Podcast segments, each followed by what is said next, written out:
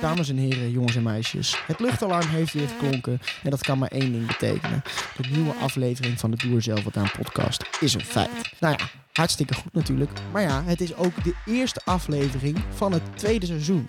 Ik ben ditmaal de host. Uh, mijn naam is Jeppe Kok. En uh, samen met mijn co-host uh, Pieter Reitsma gaan we deze aflevering tot een goed einde brengen. En deze aflevering staat in het teken van burgerparticipatie en democratische vernieuwing. En dat gaan we bespreken met commissaris van de Koning van Friesland, Arno Brok. Veel luisterplezier.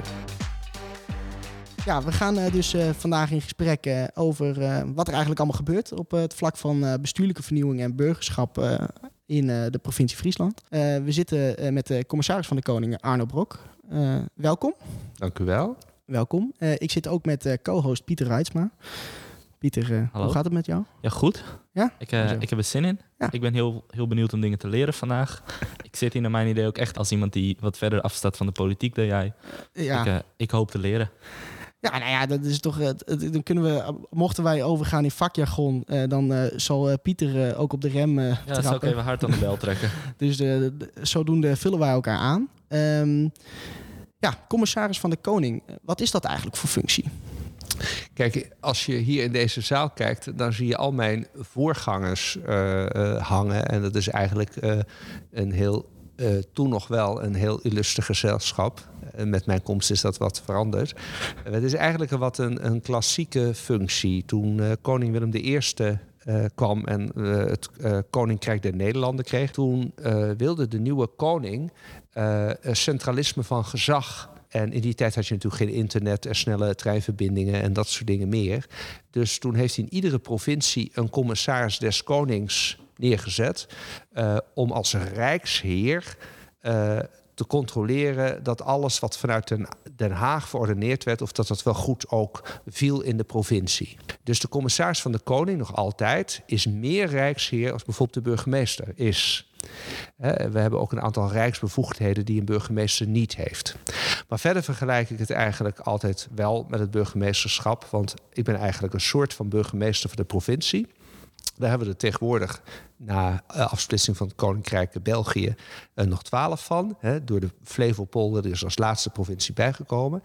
En uh, even zoals bij een burgemeester ben ik voorzitter van provinciale staten. Bij een gemeente is dat de gemeenteraad.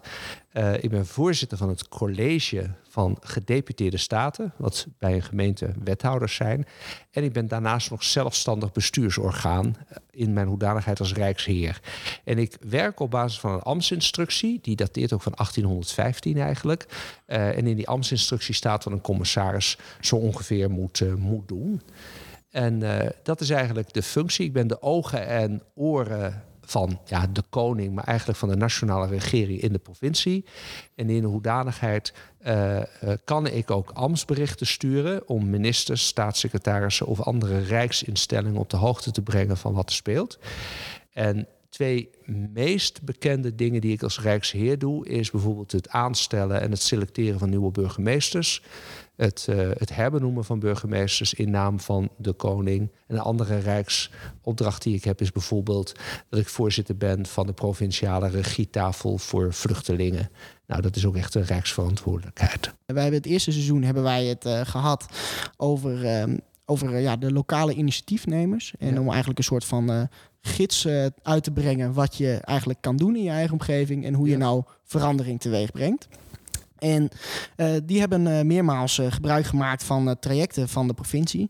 Dus eigenlijk zijn we wel benieuwd, wat, wat, wat gebeurt er eigenlijk allemaal bij de provincie als het gaat om nou ja, bestuurlijke vernieuwingen, zoals dat dan heet, en burgerparticipatie? Nou, eigenlijk best wel veel.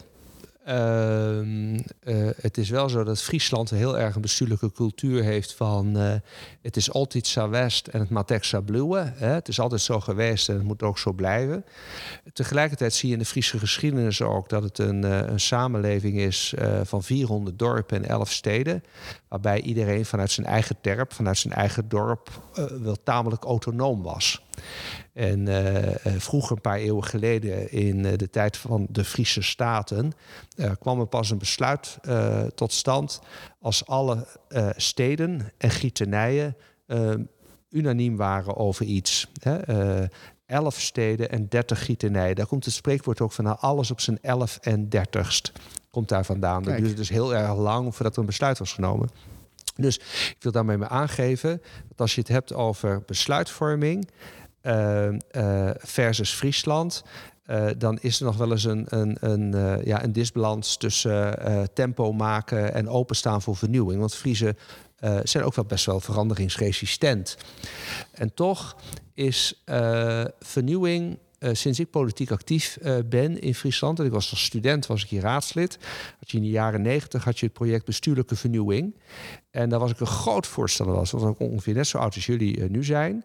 En dat zag er geweldig uit, want we zouden in Friesland provinciale politie krijgen. We zouden 100.000 inwoners krijgen in Leeuwarden. Dat was toen nog 85.000 inwoners. En we zouden een soort Friese milieudienst krijgen, zoals nu de FUMO is. En dan heb je het over 25, 26 jaar geleden. En uh, zoals het zo vaak gaat in Friesland, en bijna was het moment daar om het besluit te nemen, om voorop te lopen in Nederland qua bestuurlijke vernieuwing en een nieuwe bestuurlijke structuur. En om één minuut voor twaalf ja hoor, ging het toch weer helemaal mis. Het hele plannetje ging niet door.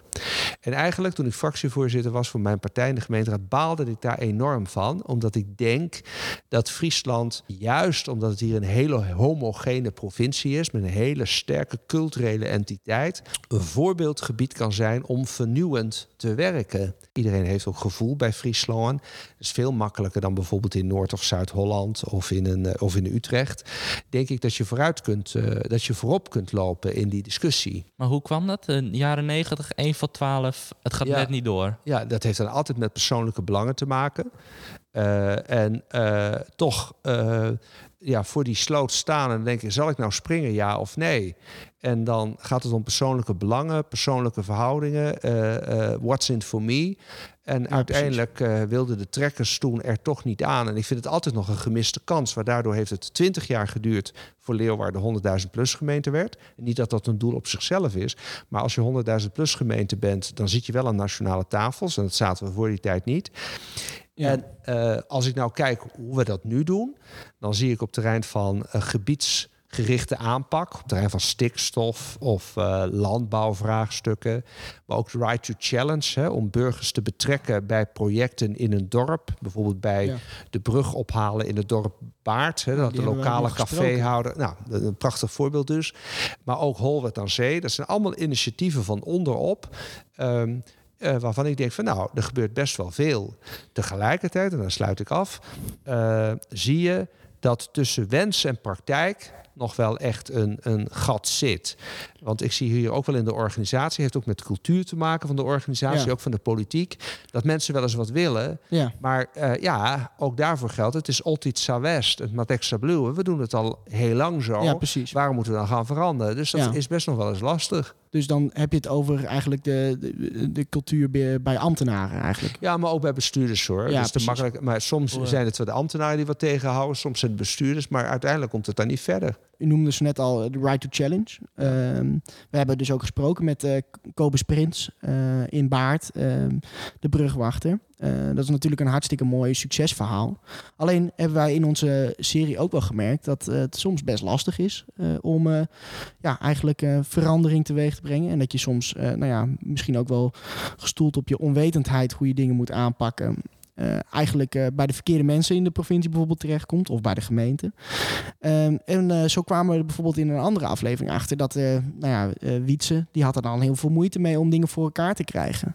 Dat is dan een jonge gast die ehm, die ook hele toffe dingen doet. Maar die zei dat er daar heel veel, ja, eigenlijk misschien wel onbewuste tegenstand op was. En eigenlijk zie ik daar een soort van wisselvallige ervaring eigenlijk met, nou ja, als participerende burger. En hoe zouden dat soort dingen nou kunnen worden opgelost? Ja, ik herken het hoor. Dus voor mij ook niet, niet nieuw.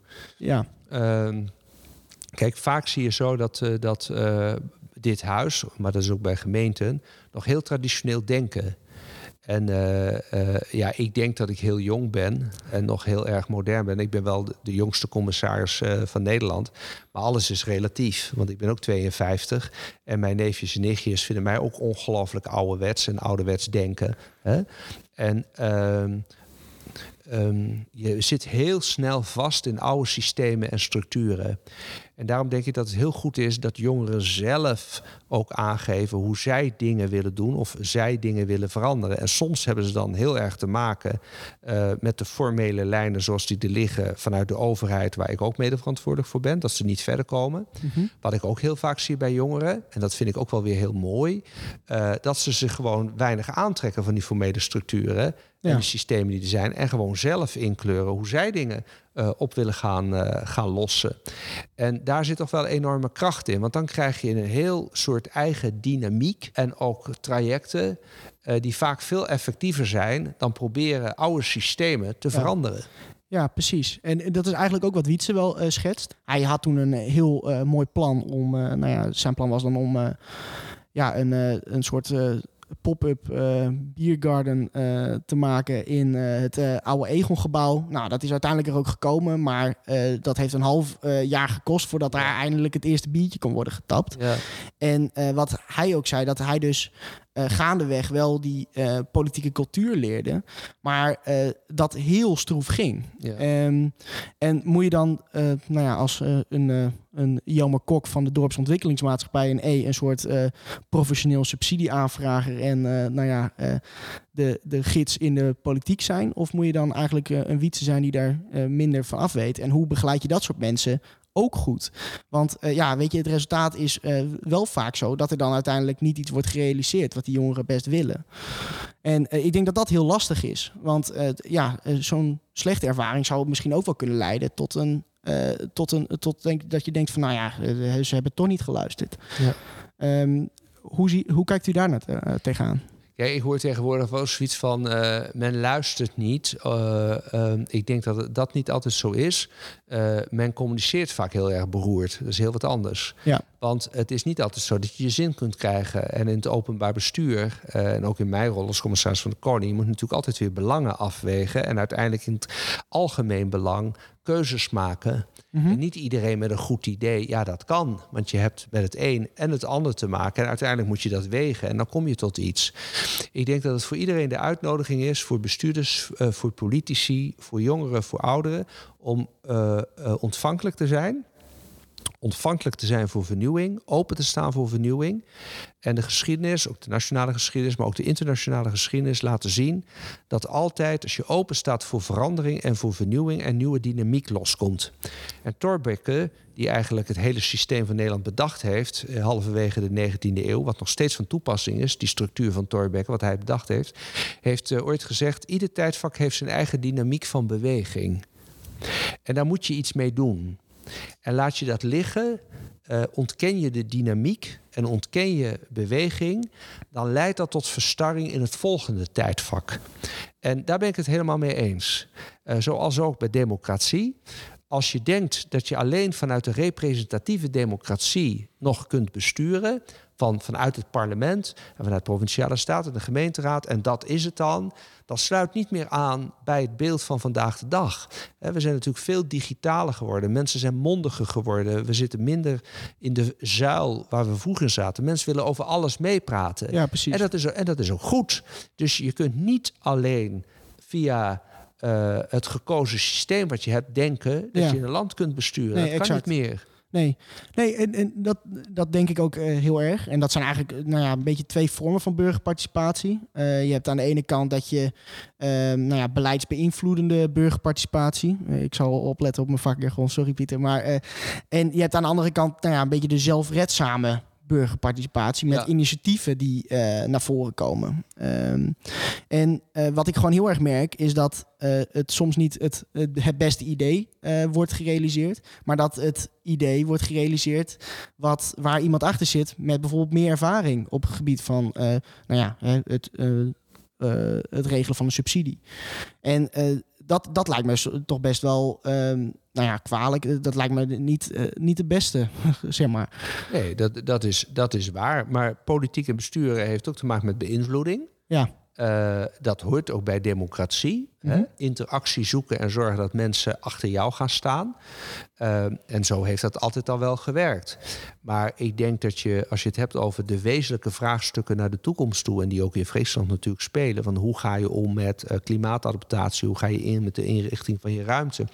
Hoe ga je om met het Veenweidegebied? Hoe ga je om met ons schitterende UNESCO Werelderfgoed in het Waddengebied? Uh, dat je gewoon met allerlei verschillende partijen te maken hebt en verschillende instellingen te maken hebt, en instanties te maken hebt. En dat je toch moet proberen met elkaar daar verder in te komen. En ik denk wel, als je ziet ook hoe uh, het vertrouwen, dat wordt ook wetenschappelijk gemeten in Nederland, is hoe men tegen de overheid aankijkt, is het daar best wel positief uh, meegesteld.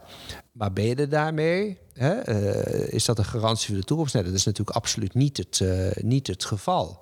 En het gaat ook op heel veel plaatsen onvoldoende goed. En er is te veel elite in Nederland. En elite is niet altijd een negatieve term. die bepaalt hoe de dingen moeten. Ja, precies. Ja, dat is eigenlijk uh, waar het dan op neerkomt. Uh, je bent uh, of net zoals een, een Jelme Kok een, een rassubsidieaanvrager en weet de lijntjes wel heel goed te vinden. Ja. Of je bent het niet. En dan, dan, dan loop je vaak tegen een, een, een deur, deur aan die dicht zit. Er zijn ook mensen die zeggen, want je hebt het over subsidieaanvragen, ja. die zeggen ik wil helemaal niks met subsidies te maken hebben, want het kost me alleen maar energie. Ja. Kost me alleen maar tijd. Ik zoek het zelf wel uit. Ik probeer via crowdfunding of op andere manier wel mijn poen te komen. En die overheid uh, pff, bespaar me de moeite. want ik krijg er alleen maar een, een energielek op. Ja, precies. Ja.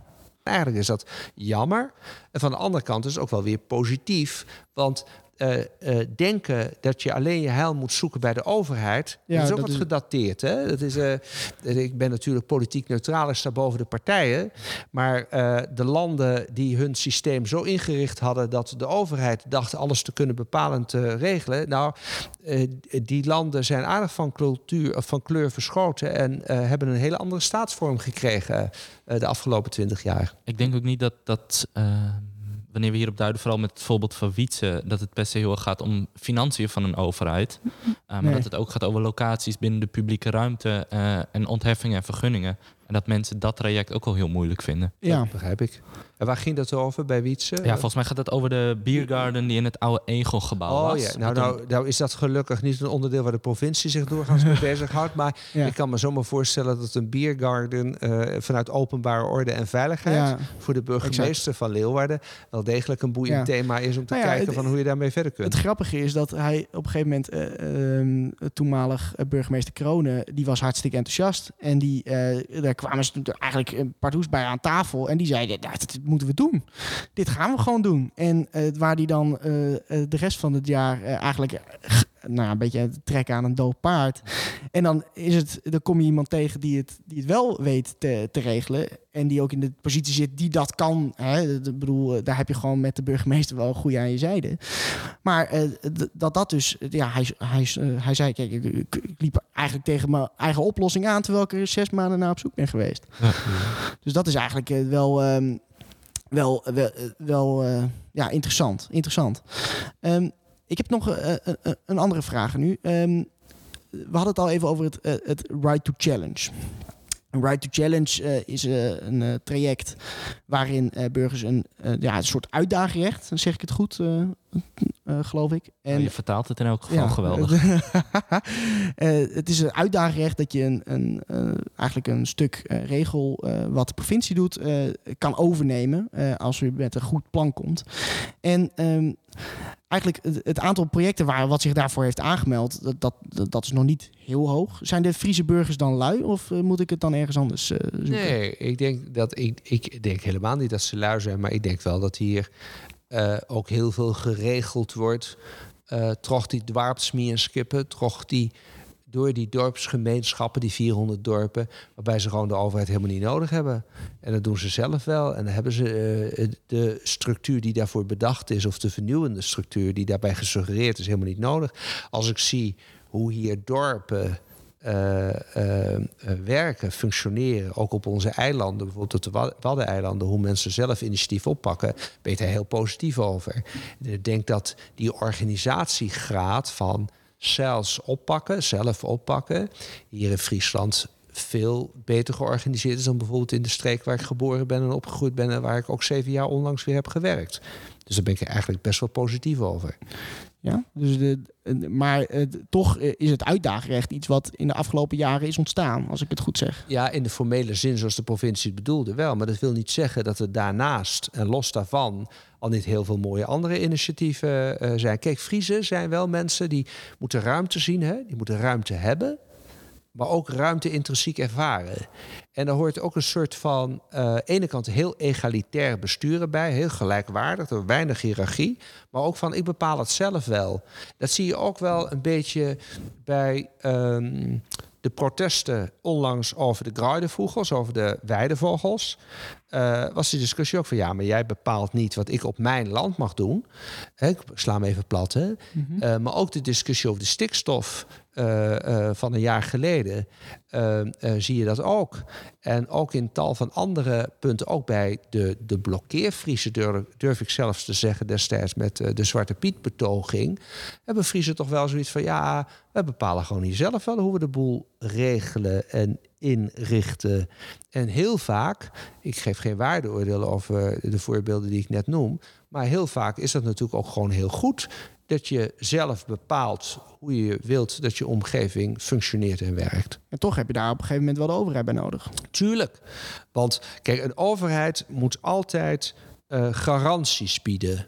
Want de vrijheid van de een moet niet beperkt worden door dat van de ander. Hè? Dus je hebt wel een aantal afspraken nodig en die moet de overheid ook toetsen en bewaken dat het een beetje gelijkmatig verdeeld gaat en dat je geen anarchie krijgt. Ja, precies. Ja, exact. Um, en als we dan kijken naar, um, uh, ik denk dat bij heel veel zaken heb je de overheid gewoon wel nodig. Uh, als jij een, um, een, uh, een gymzaal in een dorpje hebt, Um, en die functie, de school is vertrokken bijvoorbeeld. En nou ja, ze willen nog wel wat met die gymzaal doen. En je wil daar een bingo-avond voor ouderen organiseren. Hartstikke leuk. maar vaak komt daar dan wel een stuk regelgeving bij kijken van de overheid. En um, de voorbeelden die we net noemden, dan zie je toch dat het dus wisselvallig is of daar dan vervolg aan wordt uh, gegeven. Ja, jij zegt van, uh, je hebt toch heel vaak wel de overheid nodig, maar ja, ik wil toch ook wel even prikkelen. Uh, heel vaak heb je die overheid helemaal niet nodig. Kijk, de, overheid moet zich, ik sla hem nu ook even plat. Ja, ja, ja. De, de, overheid moet zich helemaal niet bemoeien met de bingo. En die moet zich ook helemaal niet bezighouden met het, misschien ook niet met het dorpshuis. Uh, en we hebben natuurlijk heel erg een systeem van ja, de overheid moet het dorpshuis betalen, openhouden, maatschappelijke participatie bevorderen. Maar er zijn ook voorbeelden uh, in Friesland uh, waarbij het zwembad dicht moest. Uh, de gemeente de kraan, de geldkraan, niet de waterkraan dichtdraaide. En op een gegeven moment gezegd hebben, ja, dat doen wij het zelf wel. En dat nu vrijwilligers het zwembad openhouden. Of vrijwilligers de dorpskroeg openhouden. Of vrijwilligers in Friesland de, de, de supermarkt, die eerst commercieel was, via een vrijwilligersproject, nu de supermarkt draaiende houden. Dus heel veel kracht en dynamiek komt ook los als de overheid zich een keertje er niet mee bemoeit. Okay, dan, uh, dan heeft de uh, de burger de overheid misschien minder nodig dan dat wij dachten. Uh, maar de overheid heeft de burger natuurlijk wel nodig, toch? Ja, kijk, de, wat jij zegt, hè, uh, ik vind de overheid is er voor de burger. Maar de burger is er niet voor de overheid. Het project bestuurlijke vernieuwing, waar wij nu mee bezig zijn, kun je vanuit verschillende invalshoeken boeiend vinden. Waarom vind ik het vooral aardig? Is omdat we proberen horizontaal te besturen. Dat betekent uh, dat er geen verschil is in rang en stand tussen wat de gemeente doet, het waterschap doet en de provincie doet. En wat ik probeer te creëren is een cultuur waarin gemeenten, waterschap en provincie als één overheid werken. Ja, Voorbeeld, uh, we hebben hier een hele discussie over de toekomst van het Veengraidegebied, het Veenweidegebied. Hoe gaan we daarmee om? Is er in de toekomst ook landbouw in mogelijk? Uh, nou, er zijn tien gemeenten die zijn daarmee annex. Het waterschap is daarmee annex. En de provincie is daarmee annex. En dan is het in het verleden zo dat ze alle drie hun eigen ding doen. Uh, en wij hebben nu geregeld dat één groep ambtenaren van gemeente, provincie en waterschap samen in de pool zitten. En samen de goede dingen doen. En ik vind het niet belangrijk waar ik van ben, waar de provincie van is. Het gaat erom dat we bij Veenweide, Veengraide, de dingen doen Ja. die in het belang zijn voor de toekomst van dat gebied en de toekomst voor de kwaliteit van wonen en Ja. leven. In Friesland, daar gaat Ja, het exact. om. Dus je creëert een soort van eh, werkgroepen tussen de verschillende overheidsorganen. Ja, ik, ik probeer de schotten weg te halen.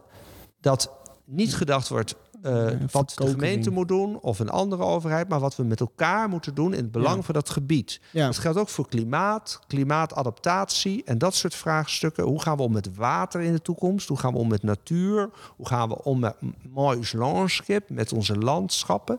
Eh, dan is het helemaal niet relevant welke overheid dat doet. Nee, dat ben, ik helemaal met u eens. Eh, ik denk zelfs dat het, eh, het vaak de- dat ook is wat burgers ook heel moeilijk eh, of lastig eraan vinden. Dat, het, dat de onderlinge structuren binnen zo'n overheid, die zijn niet voor iedereen duidelijk. Ik bedoel, Precies. ik studeer politicologie, maar als je mij eh, de, de bestuurlijke structuur van het waterschap, gemeente en provincie moet laten uittekenen, dan vind ik dat ook nog best wel lastig. We maken zelf altijd het voorbeeld van hè, de burger wil, de inwoner wil dat ze iedere week zijn container wordt opgehaald. Nou, die, die burger is er helemaal niet bezig of dat er nou een waterschap, een gemeente of een provincie dat doet. Nee, zeker niet. Eh, u zei net eh, dat het eh, soms ook goed is dat de, de overheid ergens helemaal niet mee betrokken is en gewoon eh, de burgers eh, hun gang laten gaan. Maar denkt u niet dat er het ook best wel vaak, eh, eh, nou ja, bijvoorbeeld regels, gemeentelijke regels en provinciale regels eh, gelden waar je je aan moet houden in dat Ja, op, eh, nou, ik soort vind dat er veel te veel regels zijn. Als je geen regels hebt, eh, dan, dan kan het ook een janboel worden. Ja,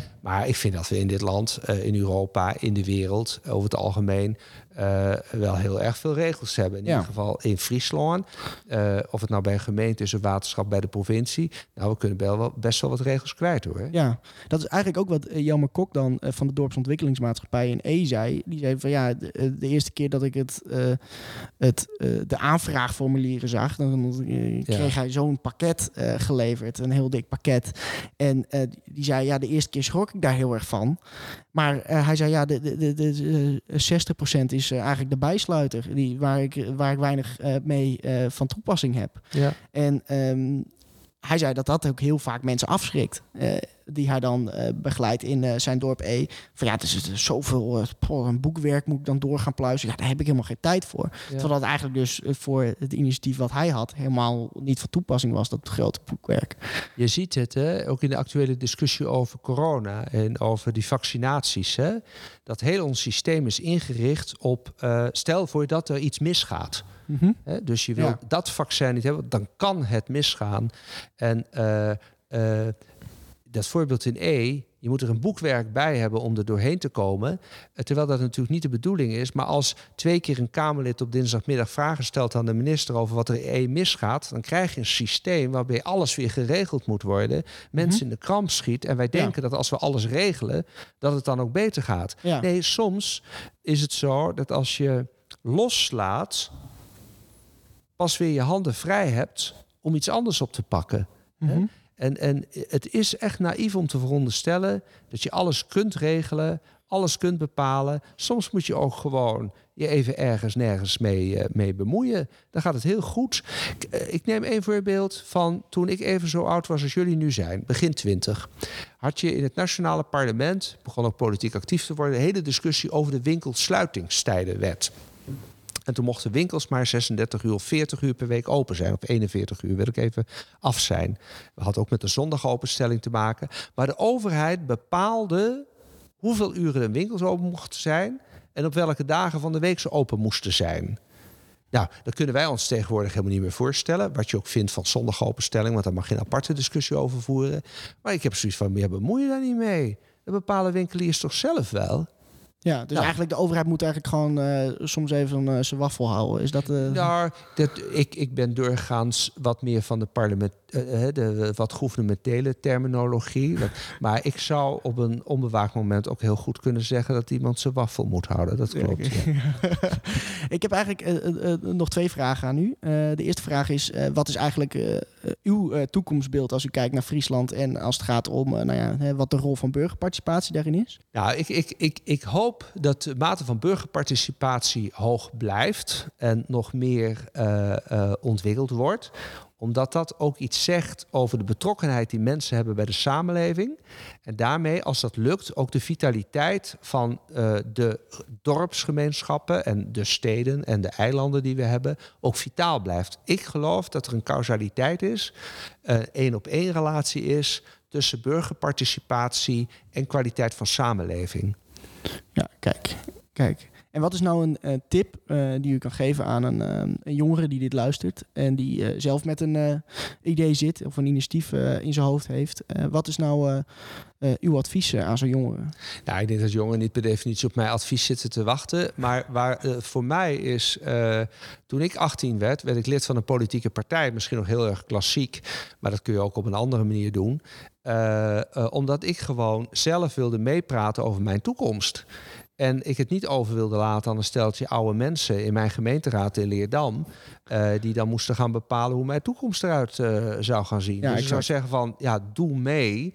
Uh, of je nou lid wordt van een partij of van een belangenvereniging of van een platform of noem het allemaal maar op. Dat kan ook op een andere manier. Dat kan ook op een minder traditionele manier dan in mijn jeugd het geval was. Maar doe mee en laat een ander niet bepalen hoe jouw toekomst eruit ziet. Nee, precies, precies. Ik denk dat het een uh, glashelder antwoord is. Ja, ik denk ook zeker dat de jongeren op uw antwoord zitten te wachten. Ja, dat denk ik eigenlijk wel. Uh, inderdaad. Uh, elke maand hebben wij natuurlijk ook een vast rubriekje. we gaan eerst even naar de jingle luisteren. En dan zal de commissaris van de Koning zijn vraag aan jullie stellen. Bij ons in de podcast word je elke maand verrast. Met de vraag van onze gast win jij een 10 skip tas. Hey, hey, bij ons. Oh, we gaan niet verder. Maar dan gaan we door. Hop, hop. Sluit hem maar. Nou, ik zou graag uh, de vraag willen stellen wie de eerste koning van Friesland was. Kijk, nou, dat is een uh, goede, die, die, noteren wij. Met de quizvraag kan een 10 skip tas worden gewonnen. Met daarin allerlei uh, leuke dingen. En dan hebben we ook nog een vraag nu of u daar ook iets in wil doen vanuit de provincie Friesland. Ja, daar wil ik wel wat in doen, maar dat ligt toch op mijn kamer. Maar ik zou er wel graag wat in willen doen. Ja, ja kijk, dat is hartstikke leuk. Ja. Uh, wat, wat, wat is dat dan? Dat is ben ik wel benieuwd. iets heel traditioneels, iets met pompenbladen erop. Oh, kijk, nou dat. Ja. Kijk, om toch die, die Friese spirit en erin te houden. Wellicht gaat hij uh, naar buiten Friesland. Dat is toch wel een uh, soort van... Uh, nou ja. dat is roversgoed hoor, buiten Friesland. Let maar eens op. Zeker. ik wil u hartelijk bedanken voor nou ja, dat wij hier mogen zijn in deze hartstikke mooie zaal. Dus toch wel, elke keer zitten we ergens anders. we hebben een loods gehad, een, een, een container. ik vind dit toch tot nu toe wel de mooiste zaal waarin we een podcast hebben opgenomen. Mooi. Graag dien. Ja. Graag om te oren keer. Ja, dank u wel. gedaan. Graag gedaan. Dat was hem alweer. De eerste aflevering van de Tour Zelf Wat Aan podcast van het tweede seizoen. Ik hoop dat jullie genoten hebben. Uh, wij hebben dat in ieder geval wel gedaan. Check onze socials in ieder geval nog even om te kijken wat de commissaris van de Koning in de tas heeft gedaan. En ik uh, zie jullie graag een uh, volgende keer weer terug. En dat is natuurlijk weer als het luchtalarm klinkt. Volgende maand staan we weer voor je klaar. En voor nu een fijne dag nog.